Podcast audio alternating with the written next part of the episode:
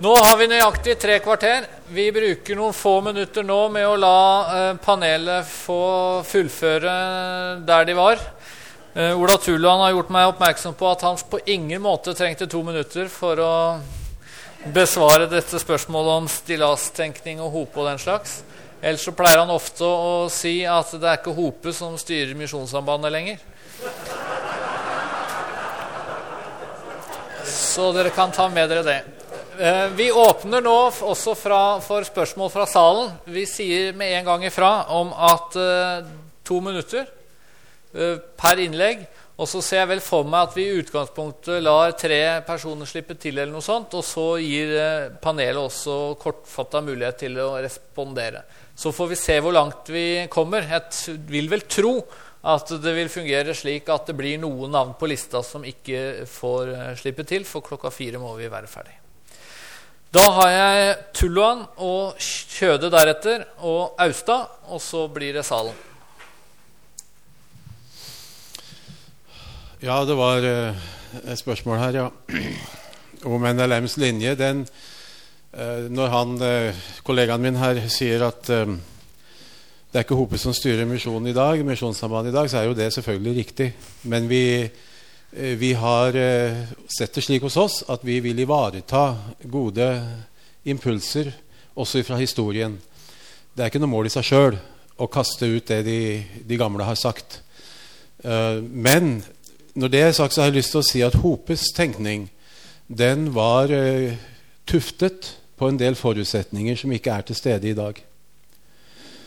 Blant at dette at, at uh, stillaset på en måte ikke viste tegn på litt råttenskap den gangen. Og det er jeg mindre sikker på.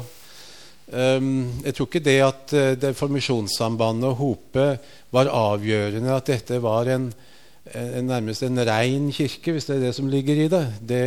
Men det tror jeg kanskje ikke det er det dere mener bortover uh, sida her. Men Kirken har, er et stillas på like måte som en misjonsorganisasjon er det det, det, er nok en tenkning som uh, følger oss uh, fremdeles. Men forutsetningen for Hope var jo det at uh, vi hadde en sterk statskirke. Han hadde vært i USA og lært kirkevekst på den måten at han ville ikke ha noen frikirke. Han kunne stå som laksen midt i fossen i et statskirkesystem og virke til beste for evangeliets utbredelse i Norge og utover på misjonsmarkene. Det har fulgt denne organisasjonen hele veien. Når, um, um, men stillaset er et stillas. Når det morkner, så må vi selvfølgelig se på det med friske øyne. Og um, det at vi har en stats, sterk statskirke i dag, det er vel knapt nok tilfellet, som vi alle vet. Og det skal ikke mye, være mye til profet for å se at her blir det endringer. En annen pilar var at um, kristendomsundervisningen i skolen det var Kirkens dåpsopplæring. Det har det ikke vært siden 1969. Uh, eh, det er mange ting som har endra seg, og det har kommet opp um, uh, lærespørsmål som har en slik alvorlighetsgrad at jeg i alle fall ser på det at det er noe nytt i vår kjære kirkes historie. Og ikke minst det spørsmålet som samler oss her i dag. Jeg har kalt det vannskille. Dette syns jeg er det virkelige vannskillet i dag. Derfor så har vi ikke meldt oss ut av den eh, debatten heller i Misjonssambandet. Og vi vil gjerne være med sammen med brødre og søstre fra andre arbeidslag på lik linje med Misjonssambandet i Den norske kirke, og også med gode venner og krefter, være seg prester eller hva det måtte være, i Den norske kirke, og samtale om disse tingene her. Det har Misjonssambandet faktisk god tradisjon for å gjøre i vanskelige situasjoner. Det, både invitten fra Bondevik vil vi være med på hvis den skulle materialisere seg. Og, og, og, men vår linje som en fri, selvstendig lekmannsbevegelse, den vil vi bevare. Rett og slett fordi vi tror det er til velsignelse for det norske folk at vi har den eh, hos oss. Og den tanken fra Hope må det være mulig å ta med seg også i den videre vurdering av hvordan eh, man skal tenke om framtiden. Ja. Da eh, Kjøde, så Austad, og førstemann på lista fra salen er Jan Bygstad.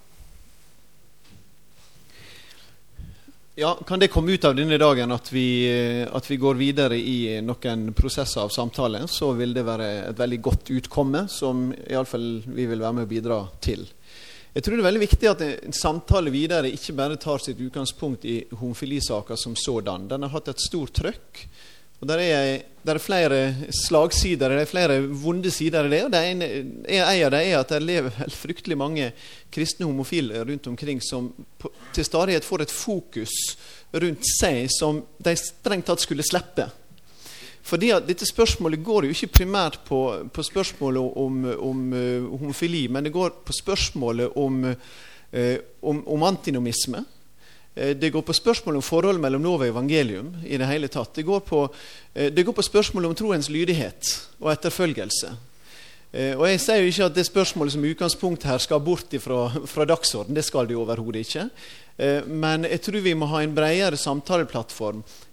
En av den grunn at det er mange homofile som må slippe å ha det stadige fokuset på seg i kristen sammenheng. For det andre fordi at spørsmålet er langt større i de dimensjonene som jeg her nevner.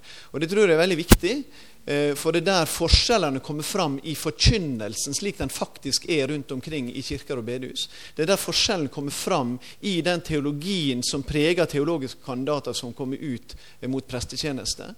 Eh, det er der forskjellen er også i den forkynnelse og veiledning som vi måtte gi i vårt barne- og ungdomsarbeid, eller vi, vår forkynnelse på bedehusene, har vi fått et flatt, endimensjonalt gudsbilde som vi driver og serverer?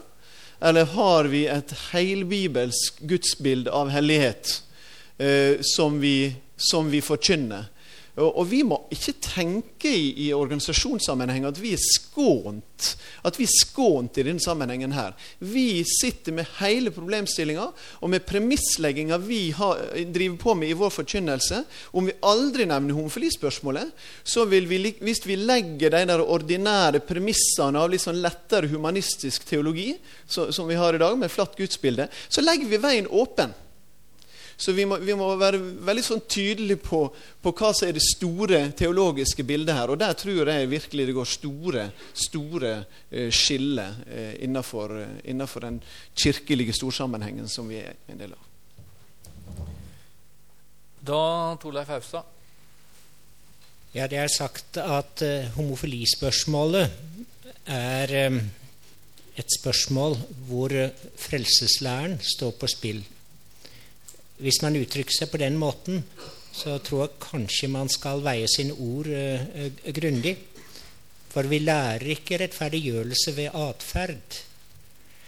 Men vi peker på at det er uh, flere former å føre sitt liv på som er uforenlige med Kristi evangelium. Og der er de apostoliske formaninger tydelige. Og det å falle tilbake til eh, gammel livsførsel før omvendelsen, det er synd. Og det må vi ta det klart om. Det neste jeg vil si, det er at jeg håper, Odd, at du følger opp eh, tanken om å rådføre deg med de fire andre biskopene som har samme syn som deg i dette spørsmål, og at du utvider kretsen eh, noe, slik at du får vettuge folk med på å gi råd. Og da tenker jeg rett og slett på å arbeide ut en kirkelig strategisk plan. Det kan dreie seg om eh, valg av nye bispedømmeråd. Det gjelder Kirkemøtet eh, 2007. Det dreier seg om eh, hvordan man skal vurdere og kritisere eh, det homoliberale eh, synet. Det dreier seg om å skape en offensiv holdning for det syn vi mener er sant og rett. Og det dreier seg ikke minst om å forberede en eventuell bekjennelsessituasjon. For en bekjennelsessituasjon den uh, bør ikke komme spontant. De tilfeller jeg kjenner fra Kirkens historie, der var en slik situasjon vel forberedt. Biskop Berggrav ønsket ikke brudd i 1940, men han ventet to år og forberedte dette meget grundig. Da var tiden moden. Det kan være slik at man rett og slett må tenke strategisk. Den situasjonen kan inntreffe. Takk. Da er det Jan Bygstad, deretter Sigurd Idland. Da er det bare å sette seg i trappa, tror jeg, nedover her. Eh, sånn at vi eh, er effektive på den måten. Og så altså to minutter. Og så prøver vi å samle opp litt av de spørsmålene som eventuelt kommer til panelet.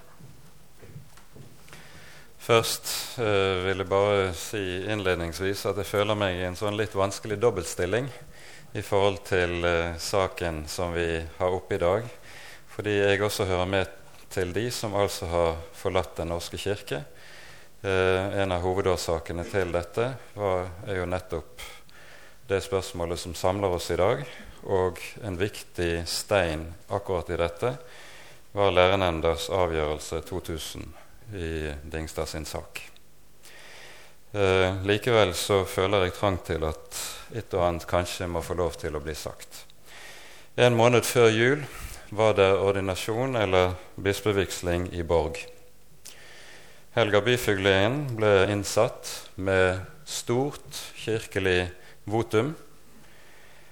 Til stede var også konservative biskoper og Tor Bjarne Bore, definerte meget klart hva det er som der foregikk. Han sa det at det denne bispevigslingen betyr, er at vi nå kan se for oss et forsonet kirkelig mangfold. Tor Bjarne Bore. Ja, unnskyld, sa jeg galt? Ja. Um, det er denne visjonen for fremtidens kirke som nå er lagt på bordet. Og i og med at ingen kirkelig ansvarlig har gått ut og gått i rette med Bores uttalelse, så har dette blitt stående som en definisjon både av hva som der foregikk, og av visjonen for den fremtidige norske kirke. Og jeg mener man kommer ikke utenom det alvorlige spørsmål hva er det dere som tror at det å leve i homofilt samliv er synd, hva er det dere gjør når dere faktisk deltar i innsettelse og vigsling av biskoper som er forkjempere for det syn dere selv sier er synd? Man kommer ikke forbi det. I Den hellige skrift sies det uttrykkelig noe om hvordan en skal forholde seg til dette. Og det henger sammen med at vranglære og synd som tillates i den kristne menighet, har en bestemt kraft i seg. Det tales om surdeigen. Dersom det ikke gripes aktivt inn i forhold til surdeigen, så vil den gjennomsyre hele deigen. Og jeg tror at den strategi som nå har vært valgt fra den konservative side i Kirken gjennom å møte dette gjennom ren kirkelig debatt, ikke er i stand til å håndtere det som man nå ser for seg.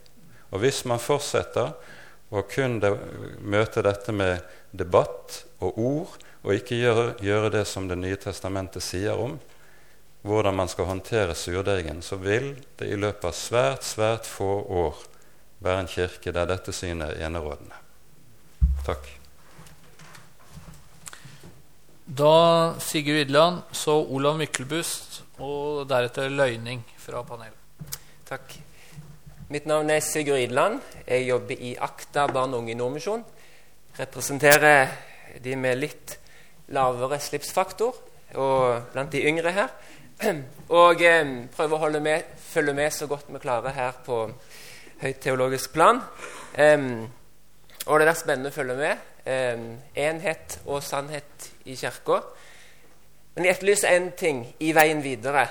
Um, for vi, vi, har vært samla noen akterledere her, og, og vi møter dagens ungdom, som på en måte allerede er splitta, eh, som ikke leser lærernemndas uttalelse, som eh, bare får informasjon gjennom media. Eh, ja, og, og eh, vi skal rettlede disse herrene. Eh, vi ønsker å stå på den sannheten som vi, som vi mener Bibelen gir oss. Eh, så jeg vil utfordre de som tar utfordringen til altså Nå har vi hatt enhet og sannhet, men neste skritt må også være kjærlighet og sannhet. Eh, noen som kan innkalle oss til en, eh, et seminar om det. Hvordan kan vi rettlede? For vi møter ungdom som, som kanskje sliter med disse tingene. Som, eh, i, i sjelesorg kommer til oss og griner og, og, føler seg annerledes. Og Hvordan skal vi klare å møte disse her? Det er vår utfordring. der vi står, Praktisk utfordring. Eh, og, og, jeg savner litt det praktiske her i dag, men det, det kan kanskje komme i neste seminarbolk. Derfor jeg utfordrer for, for, hvordan skal vi rettlede disse på en best mulig måte? Og Hvis ikke vi klarer det, vi som er kristne ledere for ungdom, som tross alt er morgendagens Norge eh, Vi trenger rettledning, for dette er vanskelige ting. Vi synes det når, når, vi møter en ungdom som eh, ja, De føler kanskje de føler seg annerledes. de føler kanskje Valget for de er å gå ut av kirka. Og, og, noen tar sitt eget liv. Altså, det er jo um, så veien videre må ikke bare være det formelle, men òg det relasjonelle. Takk. Da Olav eh, Myklebust, og så hvis det er noen korte kommentarer fra panelet deretter. Eh, jeg tror at uh, dette spørsmålet må sees i en større sammenheng. Og det er det at det fra politisk ledende hold sies at Kirken må være så bred og åpen som mulig. Og med det så tenker man ikke bare på det tallmessige, at eh, kirken, eh, Norske kirke omfatter ca. 85% av folket, men man tenker teologisk at eh, Kirken må være så bred og åpen som mulig teologisk. Eh, det er noe av den utfordringen vi står overfor. Hvordan kan Kirken være bred og åpen på sannhetens grunn? For disse 85 prosentene de er jo kommet inn gjennom dåpen og på en måte på sannhetens grunn. Men nå skal de altså overgis til en bred og åpen kirke på politiske premisser, og hvor det er den politiske og folkelige forståelse som styrer innholdet i dette. Og da vil jeg fokusere på det Austad sa, at han håper at vi ikke nå vil kritisere så hardt eh, dette mindretallet, men at vi må prøve å se det positive. Og det eh, ser jeg er et viktig anliggende i noen henseende. Men jeg tror at eh, også de konservative, eller de positive i denne sammenhengen, må tåle en del kritiske spørsmål. Og det går på de, de hermeneutiske, altså de tolkningsmessige prinsippene som man legger i innledningen av utredningen. Og det forundrer meg at det her er enighet og fellesskap om den forståelsen. fordi at det, der trekker man inn tolkningsprosessen som eh, helt legitim i tolkningen av Skriften og utleggingen av dette. Og Det er jo det politikerne gjør når de sier at det skal være en åpen og bred eh, kirke. Det er at man legger tolkningsprosessen til grunn og den forståelse vi har i dag. Og dette er et katolsk prinsipp i verste forstand, og det er et frigjøringsteologisk eh, tilnærming. Det er ikke Skriften alene og Kristus alene. Det kunne man også dette at man her påpeker Kristus som tolkningsprinsipp her, utgangspunkt, det er det også en del veldig kritiske spørsmål å stille til. Sånn at her er det en strikk som tøyes i denne utredningen fra en enighet om hermenevtikken til noe uforenlig. Men her er man altså da i hermeneutikken har man gått inn på denne brede og åpne folkekirketenkningen i, i teologisk innholdsmessig forstand. Jeg vet ikke om dette var klart, men eh, det må bli litt sånn når eh, det er halvannet minutt eller noe sånt. Eh, da har Løyning bedt om ordet her, og Bondevik deretter. Og så det, fortsetter vi med spørsmål fra salen. Ja, Nå har noe av det vært eh, berørt allerede, men jeg vil bare løfte fram det, det fokuset som han ene hadde her, med hvor utrolig det viktig det er for oss nå i prosessene fremover å få ungdommene med. Unge eh, arbeid, barne- og ungdomsarbeidere, ungdomsprester, ungdomsledere rundt forbi. Eh, det er hyggelig å si at det er noen her, men, men, men eh, det er ganske mange fra 50 pluss her nå. Og vi må få dette ned blant, blant de yngre lederne. Det, det, det, er helt avgjørende. Det andre aspektet var i forbindelse med ja, en, en, rådgivningsgruppe, som, som du, du, nevner, Odd. Um, i, jeg håper å si, om en skal ta noen strategiske grep fremover uh, for å prøve å samle krefter og, og, energi og bli enda mer slagkraftig i, i, denne kampen vi står i, så vil jeg understreke viktigheten av også å tenke økumenisk. Eh, for jeg syns eh, vi har berørt så vidt eh, Astrid Dingstad med at dette brevet vi sendte, signaliserer at her har vi bredden med oss i det hovedsynet vi har på Skriften, og dermed også på dette spørsmålet. og jeg kan i hvert fall si for, for vår del, fra Frikirka, så vil vi eh, være med og prøve å få enda flere med oss i sånne prosesser, for det tror jeg er viktig.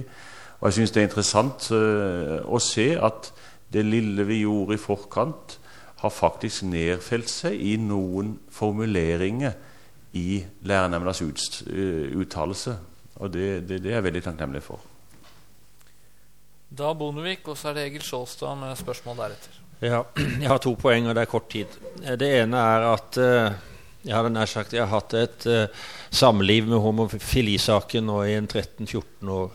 Og når jeg ser tilbake nå, så har jeg ikke grunn til å være veldig stolt over det jeg har gjort. Det er flere ting i ettertid som jeg ser jeg ønsket at jeg hadde gjort annerledes. Eh, og det går helt tilbake til startfasen, eh, ikke minst bispemøtet i 95. Eh, så jeg er ikke sånn at jeg vil gå i døden for noen av de formuleringene som vi hadde da. Og det er også flere ting vi har gjort, markeringer som vi burde tatt, som vi ikke tok, og motsatt. Så jeg vil bare si det sånn vi, vi foretok en del vurderinger der og da, og noen ganger så tok vi feil. Eh, jeg tror ikke jeg skal si mer enn det. Jeg står for det synet jeg har. Eh, men eh, jeg ser godt at en kunne ha håndtert saken på en annen måte. også i lærernemnda ser jeg det sluttresultatet. Noen setninger skulle jeg ønsket at jeg kunne lese korrektur på nå, men det kan vi ikke. Det er det ene. Men det andre som jeg synes var veldig viktig, det som kom frem, det var nettopp det med ungdommen. Og Der har jeg lyst til å si noe som jeg har tenkt mye på. Og det er det eh, for så vidt som kom fram i en helt annen sak på Kirkemøtet i høst, nemlig det at uh, vi hadde oppe spørsmål om asylpolitikk, og vi fikk høre det at det var noen av saksbehandlerne i uh, sånne saker som ikke ønsket å møte de personene som det gjaldt, fordi at de var redde for at de da kunne komme til å bli litt avsporet og kanskje foreta usaklige vurderinger. Vi drøfta det litt i den komiteen jeg var i på Kirkemøtet og hadde egentlig, Jeg hadde forslag om at vi skulle si noe om problematikken, men det ble ikke det. Men jeg tenker sånn at i en del saker så må vi våge å stå i den smerten det er både å se mennesket og å se Skriften. Og Hvis vi bare ser den ene siden, så går det galt.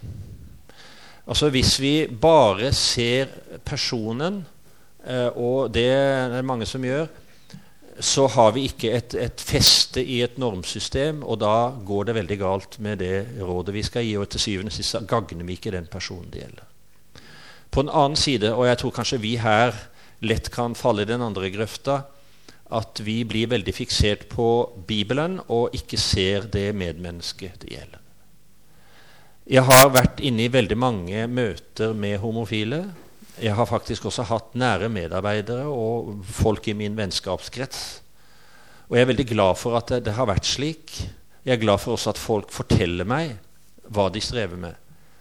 Eh, jeg tror det er en ressurs, men det er veldig tungt å bære det i en sak som dette. Eh, og det er en dimensjon ved saken som jeg også vil at vi skal ta med oss videre. Og ikke minst også med det innlegget som kom her fra, fra ungdomsorganisasjonen, så er det veldig viktig at det blir både tatt inn At vi tar det inn over oss, og at folk forstår det. For jeg er veldig redd for at dette blir oppfatta som en uh, sak der vi bare tenker teologi uten å ha empati og uten å forstå hva problemet er. Så jeg uh, syns det er viktig også med tanke på den sjelesørgeriske siden. Jeg har møtt veldig mange ungdommer i de årene og har blitt spurt om dette veldig ofte, bl.a. på ungdomsskoler. Og jeg tenker alltid inni meg når jeg svarer på spørsmål, at her sitter det antagelig noen i salen som har dette på kroppen i bokstavelig forstand. Og da må jeg velge mine ord eh, ut ifra en sånn vurdering. Eh, jeg forandrer ikke på min oppfatning, men det har veldig mye å si på måten jeg framfører det på.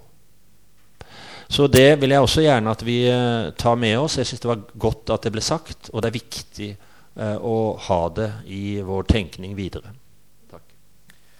Da tar vi tre spørsmål eller kommentarer, og så har jeg noen på lista fra, fra panelet deretter. Så nå går det litt sånn att og fram. Først Egil Sjåstad, Erling Lundeby og så Tor Henny Tvedt.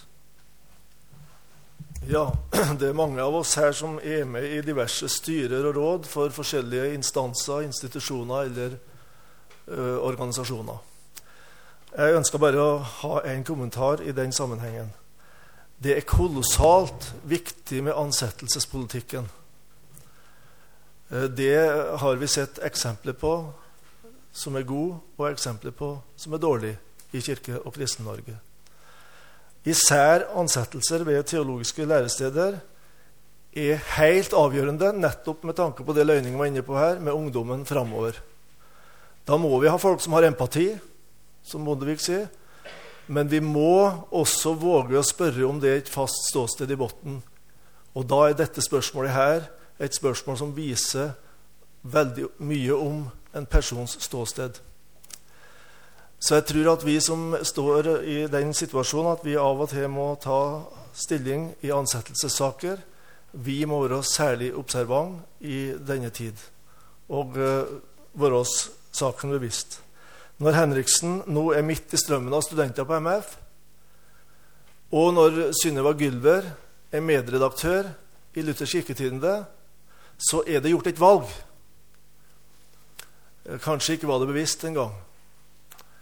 Men uh, hvor bevisst det er, det vet vi ikke. Men det er gjort et valg. Nemlig at det kan ikke være to uforenlige syn, som uh, Austad har sagt. Da Erling Lundeby og så Tor Henry Hvitt. Jeg syns det var veldig spennende å lese innstillingen når han kom. og eh, For oss som har hatt Austad som lærer, så kjente vi igjen hans varsomhet og saklighet, som eh, gjør at eh, det har holdt et veldig stringent språk. Men da gir det meg også anledning til å si eh, det som introduksjon til det jeg ønsker å si. I dag så har vi snakka om ting på en spesiell måte, vi har brukt et teologisk språkbruk. og Det gjør inntrykk her i salen. Men det er et fåtall som vil klare å følge argumentasjonen når vi kommer ut herifra. Det må vi være klar over. Eh, sånn så Vi må på en måte oversette alt det som er blitt sagt her, til et språk, slik at Ola og Kari ute i menighetene, som faktisk kommer til å, å, å, å avgjøre dette her ved menighetsrådsvalg, også at de skjønner hva saken står om. Og da er det også tre ting vi må være klar over. Eh, det er ikke, slik som folk oppfatter det, to uforenlige syn. Det er ett, en høyreside, eh, som representert ved, ved Austad og Bondevik her. Det er et mellomstandpunkt representert ved f.eks. biskop Laila, som er langt mer eh, attraktivt og benytter seg av en språkbruk som går rett inn i det folk kjenner seg igjen i. Og så har du en ekstrem venstreside. Sånn så I forlengelsen av dette møtet her, så tror jeg vi må bruke mye tid på å, klare opp i hva er egentlig posisjonen her, og bruke en språkbruk som folk kan kjenne seg igjen i. Eh, fredagen, da dette her ble annonsert, ja, så var eh, biskop Laila i ukeslutt. Og Hans-Wilhelm Steinfeld gjennomskua jo med en gang. Men du oppdaga bare at hun trengte ikke svare på spørsmål. Hun bare messa en ferdig eh, innlegg og sa at nei, en kan jo ikke spille Paulus ut mot Jesus. Men Steinfeld, det er jo akkurat det du gjør. Og så ble det bare hengende der. Slik at det, der må eh, det, det, jobbes skikkelig. Og som, som eh, Austad sa, her må vi bruke mye tid. Eh, vel kunne litt urent trav på den konservative sida, men det er grove overtramp på den andre sida. Det må pekes på. Det er en organisasjon som prøver å imøtekomme unge og eldre. Den heter Til helhet. Slå opp på www.tilhelhet.no, og så er det tilbud om kurs og konferanser om dette helt ned på sjelesørgerplanet. David. Som er ordstyrer heter Tor Henrik. Eh, jeg vil gjerne at, eh, at ja-fraksjonen hører eh, også min glede over de, de, de veldig klare utsagnene om at, kirke, at, det i lærernemnda og i Kirken finnes to uforenlige syn i homofilispørsmålet. Det er viktig at det får stå klart også framover. Men det er også sånn at på bakgrunn av det utsagnet eh, hører jeg det som, som jeg oppfattet fra Alf, Alfsvåg, nemlig at en biskop som vil endre Kirkens lære og praksis, opptrer skismatisk. Eh, endrer den da i, i, en retning som ikke har bibelsk bakgrunn. Nå er det jo slik, som eh, noen har nevnt allerede, at vi har, vi har eh, nå ganske nylig sett bildene av en bispevielse. Eh, og i, denne, i, i, de siste årene har vi fått to, efter Alsvågs eh, definisjon, da skismatiske biskoper under håndspåleggelse av de som sier at Kirken har to uforenlige syn. Og dette, dette er en, en åndelig eh, virkelighet som vi ikke kan leve med. Det viser veldig klart hvordan Kalmøyergatelinjen kommer til kort, fordi den ikke tar på alvor at det som skjer foran alteret, eh, representerer en åndelig virkelighet. Man vil ikke gå inn i at den som praktiserer det kirkerettslige minimum, kompromisser på det åndelige planet. Og det er Kalmøyergatelinjens store svakhet. Jeg er klar over at biskopenes tjeneste er omgjerdet av mange reglementer og mange forpliktelser. Men det er jo faktisk slik da at i Kirkens historie har noen måttet trosse kongers og keisers, keiseres pålegg pga. de åndelige realiteter. Jeg vil be om at man nå bruker forberedelsestiden fram til kirkemøtet 07 på den måten at man eh, innføre et moratorium på bispevielser av eh, skismatikere. At man fryser, som jeg skriver i lederartikkelen i Samenes Venn nå, siste nummer, at man fryser denne praksisen fram til dette møtet.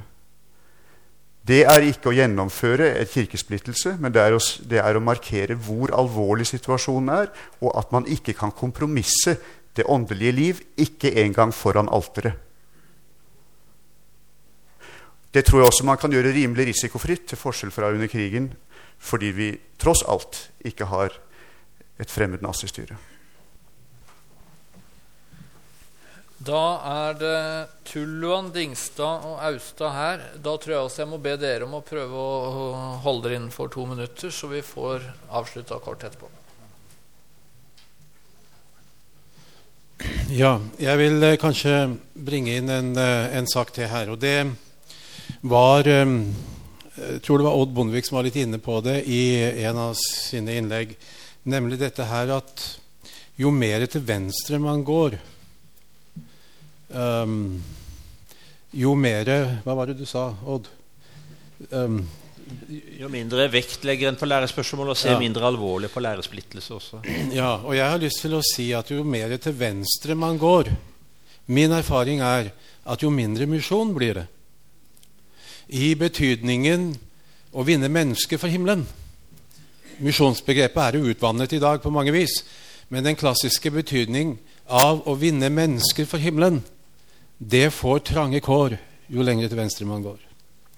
Og um, jeg har lyst til å si på vegne av misjonskirkene våre De lider med oss i den situasjonen vi er i. Og Jeg er glad for at du, Odd, var ute i, i avisen og korrigerte det Fyksetvedt hadde, hadde gitt signaler om. At liksom, vi var i en mainstream her når vi arbeidet eh, på denne måten og ville liberalisere Den norske kirke. Det er ikke tilfellet. De gråter med oss, og de sender sine meldinger om at de er på sine knær i bønn og faste for Den norske kirke. Så um, det perspektivet må vi også ha med oss. Skal Den norske kirke få være kirke i den betydning at vi er et åndelig samfunn, da er det noen ord i Bibelen som har uh, ringet i mine ører. Det det siste jeg skal si i dag. Det er når Bibelen skal karakterisere disse menighetene i åpenbaringsboken, så står det 'Jeg har imot deg at du tåler' at du har iblant deg. Og at dette, må få, dette alvoret må få betydning i den videre behandling av dette, disse konstellasjonene, det vi, som vi sikkert står foran nå, det vil jeg legge sterkt innover oss. For vi er eh, vi, Dette er ikke bare et kirkepolitisk spørsmål, det er ikke bare et sånn manøvreringsspørsmål, men det er et åndelig spørsmål. Dingstad to ting. Det ene er at det er reprise på reprise. Ehm, det var ikke så mange år siden mange av oss, langt flere den gang enn, enn som protesterer nå, som ved en bispevigsel i Hamar eh, protesterte. Husker dere det bildet? Eh, hvem var det som la hendene på Rosemarie-køen? Hvem var det? Det var MF-biskopen Aarflot. Det var misjonsbiskopen Bue det var organisasjonsbiskopen Fogner. Det var de tre som ga henne åndelig fullmakt til å kunne være biskop i Hamar bispedømme. Uh, la oss huske på at det har skjedd noe for noen år tilbake, slik at de slipper liksom å ta om igjen og om igjen og om igjen. På et eller annet punkt så må vi se hva som her skjer, hvordan dette åndelig sett grumses til.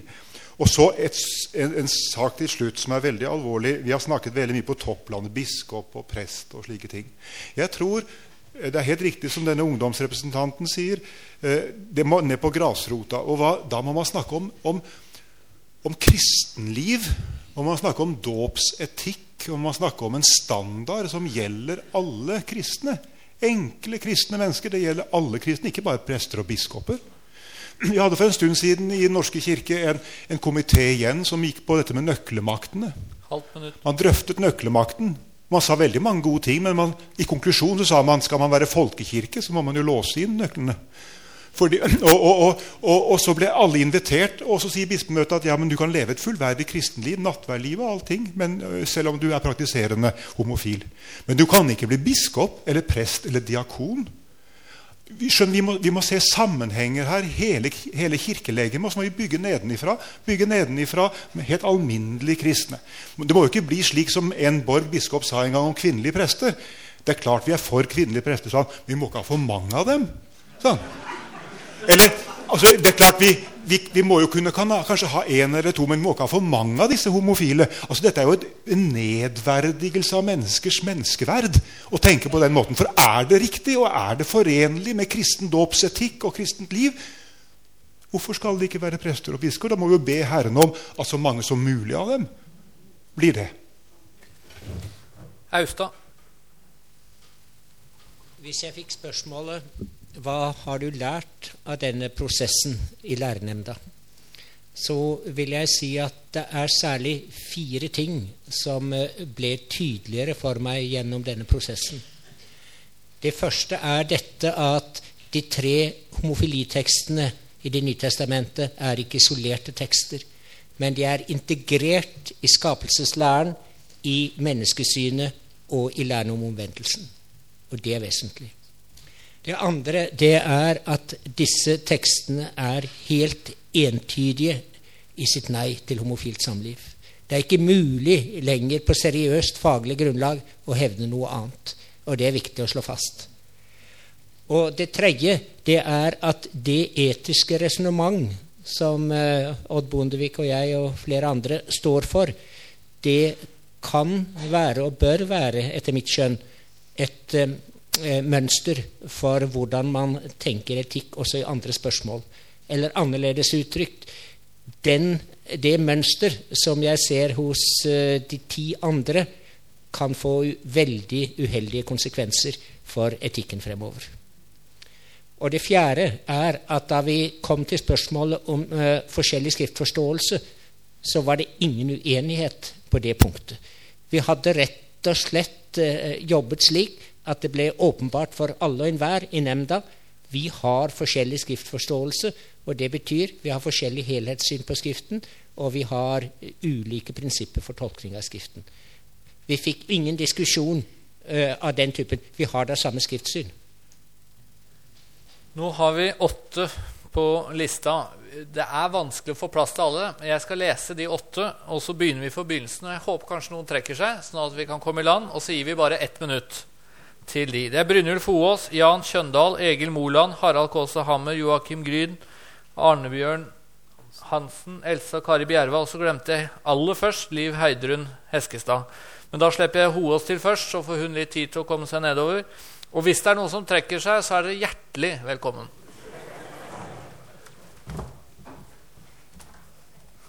Det har vært interessant og uh, til ettertanke å sitte her og høre i dag. og hadde håpa at jeg, jeg, eh, skulle stå først på lista, jeg, uh, her, men nå får jeg kanskje helt på slutten, og ingen vil kommentere det. Men det er ikke slik at det er liksom homofilispørsmålet som gjør at enigheten i Kirken er brutt. Den har vært brutt for lenge sia. Eh, saken er det at eh, det er minst like stor uenighet i dogmatiske spørsmål som i etiske. Ta eschatologi.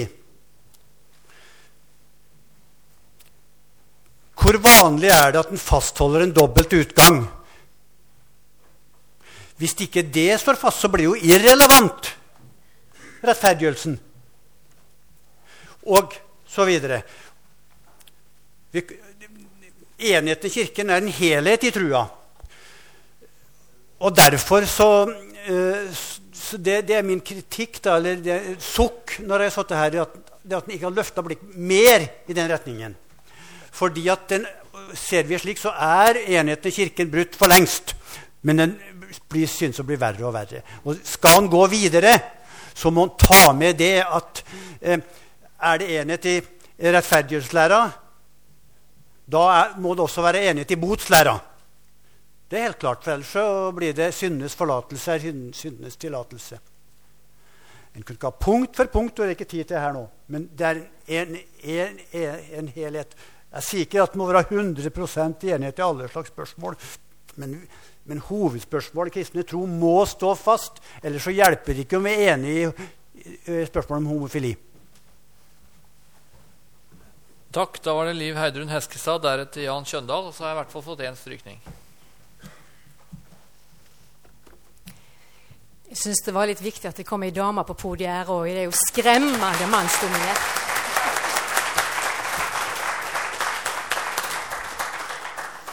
I tillegg så representerer jeg ikke den teologiske elite, som jeg for øvrig har lyst til å si tusen takk det er for en kjempespennende dag. Eh, veldig godt å få utredningen for oss fotfolk selv om jeg òg representerer en av organisasjonene her. Men det var utrolig bra å få den. Så tydelig, så klart. Det har jeg òg lyst til å si tusen takk for. Men så til det som er min bekymring. Det er litt nevnt her blant den uh, flotte ungdomsrepresentanten. Ute er det skremmende taust om dette spørsmålet. Og det er litt viktig at dere er klar over. Det blir omtrent ikke snakka om, og blir det kommentert, ja, så er det av de som latterliggjør og syns det er komisk og jeg vet ikke hva, det at vi står på et syn som sier nei til homofilt samliv. Og dette er faktisk ganske alvorlig. Det er skremmende liten veiledning og undervisning, og jeg tenker litt uærbødig har Den norske kirke og organisasjonene totalt sett svikta en systematisk opplæring i bibeltru, å å gi bibelkunnskap til folk? og hjelp. Min utfordring er derfor husk det trengs en kommunikasjon ut. Gi oss et språk, gi oss en måte å formulere oss på. Oss som skal veilede ungdom, foreldre. Det er skremmende å se at foreldre skifter syn hvis de får en ungdom som står fram som homofil. Så gi oss, ha to tanker i hodet samtidig. Samtidig som dere skal utrede videre hva som skal skje, så tenk veiledning, omsorg og utfordringer, og gi oss et godt språk å håndtere det på. Gjør det samtidig. Det er min utfordring til dere. Da er det Jan Kjøndal, deretter Egil Moland, Harald Kaas Hammer. Det er noen av dere her i salen som har eh, kjent medienes søkelys i dette spørsmålet gjennom mange år og betalt kostnadene ved det. Smerte og nød har dere kjent. Det er et uttrykk i vårt språkbruk som heter 'manns mot' å eie det. Og Noen av dere har vist det, og hva følger det har fått for dere? Det, er, det har vært smerte og nød. Likevel så har jeg ofte savna det i bispekollegiet, må jeg vel si, at noen der kunne stå opp på en annen måte og artikulere, og som med sitt eksempel eh, vise til et oppbrudd. For dette har ikke konsekvenser bare for Kirken i den forstand eh, som biskopene representerer, men det har også noe for legfolk å si. For det er en taushet ute blant legfolket som på mange måter er skremmende. Og vi, jeg er redd for at vi lett kan tape denne saken som vi har tapt kvinnepressspørsmålet. Fordi det blir taust, og det blir ikke tatt opp lenger. Blir, du blir sett rart på den dagen du tar opp dette spørsmålet. Med frimodighet så må dere som er våre ledere, men også fotfolket, eh, med stor frimodighet bære fram det bibelske vitnesbyrd i denne tida vi lever. Takk. Eh, da er det Harald Kaasa Hammer. Deretter Joakim Gryn. Eh, først litt om dette med språk. Jeg tror vi trenger et språk. Og eh, jeg leste med stor glede denne uttalelsen deres, for jeg syns den er veldig godt skrevet. Og det er et godt utgangspunkt for nå å snakke om det som vi gjerne ville ha snakket om lenge, nemlig skriftforståelsen. Men samtidig så, så kjente jeg på at det ble utydelig når vi kom til skriftforståelsen, fordi ordet tolkning ble brukt i så omfattende eh, forstand at det var vanskelig å se hva, eh, hva var den historiske mening. Og det, det var et uttrykk du brukte, Austad, historisk betydning i forhold til hva det betyr i dag. Og Her trenger vi rett og slett et språk for å takle det at man nå er eksegetisk enig. Og så for å, for å se da hva, hvor er det skillelinje går egentlig. Og det syns jeg er en ny situasjon. Det andre eh, jeg ville nevne, var dette med kjørereglene. Jeg steilet da jeg fikk se det, og, og syntes det var veldig spennende at dere våget å ta opp det igjen. Nå er det jo sånn at Verken Bispemøtet eller Presteforeningen ønsker å stå som eiere av de kjørereglene. Men det hadde vært spennende å se hva, hva kan disse kjørereglene bety i forhold til det vi har drøftet i dag. Er det mulig å tenke det som en, eh, en måte å leve videre en stund til på? Mm. Joakim Gryn. Så står det Arne Bjørn Hansen, Else Kari Bjerva og Olav Grimdalen til slutt. Jesus sier jo når de hører dere, så hører de meg. Det dreier seg altså ikke først og fremst bare om å bevare læren, men det at de i våre ord selv møter Jesus Kristus. Når vi snakker om kontinuitet eller apostolisitet eller suksesjon, så er det denne enhets, dette enhetsbånd. At Han som har tatt bolig i oss, blir hørbart, blir sett selv i det vi som troende taler. Denne kontinuiteten tror jeg må vi, må jeg holde tydelig fram. Og det er det som er nå truet. At vi splitter vår Herre selv og gjør Han usynlig. Det er to kors som jeg tror vi blir oppfordret å gå inn i. Det ene korset er for Jesu Kristi skyld, for hans skyld. Å bære og ta på seg smerten over og sette en grense og ikke kunne være lenger i fellesskap med. Det er et kors vi oppfordres å bære. Og jeg tror det er veldig viktig nå at vi begynner en vei som har håp på at vi virkelig kommer til større enhet tilbake ved å bære dette korset på oss. Og det andre korset Det har vi også berørt bare litt i dag. Det er korset med de som lider. Jeg står her også som eh, leder for teologiutvalg i Til helhet, som har levert dokumenter til lærenemnda. Og vi arbeider med diakoni. Og det ligger meg meget på hjertet at vi ved siden av å kjempe for at Kristus forblir tydelig i oss, altså om læren, at vi kjemper for dem som lider under sin seksuelle identitet. Vi trenger å se det som en ny diakonal utfordring. Hvis vi ikke lider i sammen og møter dem det gjelder, så vil våre ord, også våre sanne ord, falle på jord. Begge disse kors la oss ta på oss, og det i håpet på å gjenvinne en større økumenisk enhet. Og det som blir sagt, det er jo så sant. Det dreier seg ikke bare om homofilispørsmål. Det er bare anledning til å gjøre et oppbrudd mot den troen vi i vår kirke har forlatt, og ingen lenger riktig vet hva den går ut på, med den apostoliske, felles kristne tro. La oss fornye den, og la homofilispørsmålet være en anledning til at vi går i oppbrudd. Ikke sitter, ikke står, som det blir sagt i dag, men begynner å gå i sammen i håpet. Og jeg tror vi har blitt styrket i håpet i dag. Arne Bjørn Hansen, Else Kari Bjerva deretter. Else Kari Bjerva får lov å begynne, for hun var eh, først i køen sånn rent fysisk. Ja, Vi støtter det som du sier der om de diakonale utfordringene. Eh, det jeg hadde lyst til å kommentere til, til deg, Bondevik det, Jeg syns det er veldig bra du sier det med at du, viktigheten av å se både personen og se Skriften. Noe av det som er litt bekymringsfullt, det er at som oftest når de homofile kommer fram og vi møter dem, så er det de som står på Åpen kirkegruppes linje, vi møter. Eh, og jeg savner veldig at vi også møter røsten av de som har valgt å stå på Bibelens syn, og som er homofile. Og at vi kan alliere oss med dem, for de fins. Og det fins de som også tør å stå fram, og som vi kan bruke og sitere. For de gir en annen legitimitet og en annen tyngde over det vi står for. Og den røsten er det veldig viktig at ikke minst ungdommen hører. For de spør etter hva det er som funker.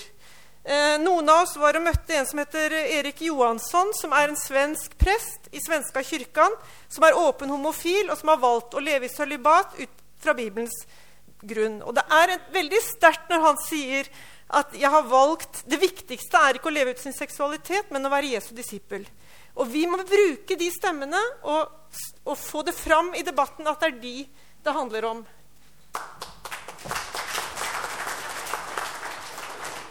Da går vi mot slutten. Arne Bjørn Hansen og til slutt Olav Grimdal. Jeg er veldig takknemlig for å få anledning til å delta her i dag. Og hjertelig takk til eh, særlig dere i panelet. Jeg ser det sånn og tolker det sånn at for tiden og da taler jeg særlig til dere for å si ja-mennesker nå, da. At dere vil være sannheten tro i kjærlighet, med veldig trykk på kjærlighet ut fra vår kirkes historie. For det er ting, mange ting der som vi er veldig lei for. Så tror jeg det at Jeg, jeg, jeg syns ikke vi har fått noe svar på dette med å trekke de inn virkelig i et helhetsperspektiv. Det er etterlyst noen med meg her, men jeg syns ikke vi har fått et svar på det. Jeg skal se på det avsnittet med hellighetsloven. Oi. Men Kirken har jo valgt å ikke skjelne mellom legning og det å leve ut en legning, og det er fatalt når man ser på pedofili, f.eks., som man kan enes om. Men det er jo en veldig gradsforskjell, men her er det skjevheter. Her er det ting som ikke er etter Guds gode vilje slik han vil. Hva skal mennesket gjøre? Så er det det med ungdommen. Det syns jeg er veldig viktig, dette. Å få det fram. Hva står det? Hva har det stått etter abortstriden i konfirmantlærebøker om dette? Det er veldig viktig at det nå på, står på agendaen og bli tatt alvorlig. Og dette med forskjellige løsningsforsøk. Hjertelig takk for modeller som er skissert der. Så får vi se. Takk. Da er det altså Olav Grimdalen helt til slutt i denne runden.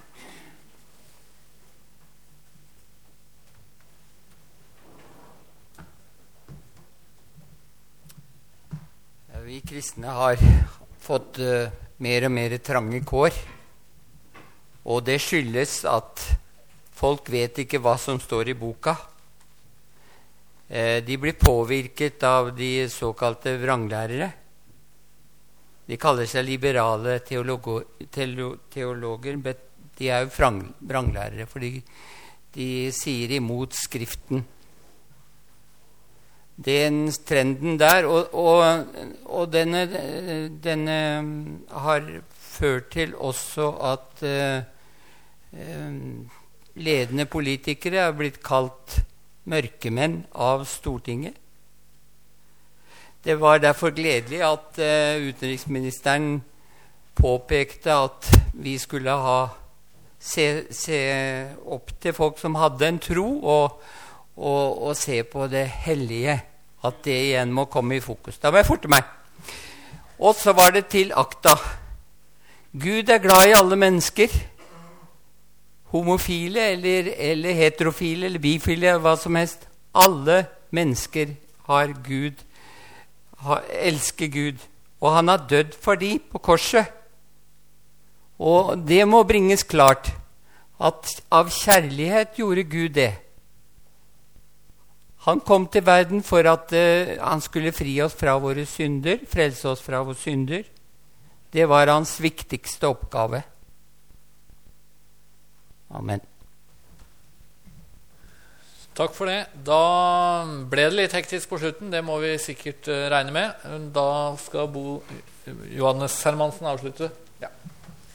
ja, da står det igjen bare å takke takke spesielt dere som har forberedt innlegg i dag, foredrag. Dere får en liten eh, boksjekk eh, sendt etterpå. Ellers så har jeg lyst til å takke alle som kom. Og hvis dere vil ha da foredragene enten på CD eller skriftlig, så send en mail hjem til oss, eller gi beskjed til Jorunn eller meg nå etterpå. Så ordnes det. Eh, jeg har også lyst til å si at hvis det er noen som kan tenke seg å ta med denne lista, det oppropet, Eh, som Øyvind Benestad har lagt ut, eh, mor-barn, eh, som går på partnerskapsloven. Den ligger der ute. Ta med den lista og, og få underskrifter og send den tilbake. Så er det også vært en del spørsmål om oppfølging. Og det er i hvert fall to her i salen som tatt, kan ta på seg en oppgave med å prøve å koordinere dette som går på tilsynsspørsmålet. Tor Henrik Hvitt, eh, ansatt i Samersson, nestformann i FBB, og Dag Øyvind Østreng, sogneprest i Ulvik. Henvend dere til de to, så prøver de å samle opp eh, og, og, og, prøve å knytte kontakter da senere. Eller så har det jo kommet flere konkrete utspill også her fra panelet som vi har hørt. Da er det andre ting som det trengs å gis beskjed om nå. Eh, jeg regner med at vi får til et nytt seminar neste år eh, med, et, med en ny tematikk, kanskje en oppfølging. Det får vi drøfte. Vi skal ha et evalueringsmøte i komiteen nå noe seinere i vår. Da tror jeg vi gjør det på kristelig vis. Vi reiser oss og ber vi Herrens bønn sammen.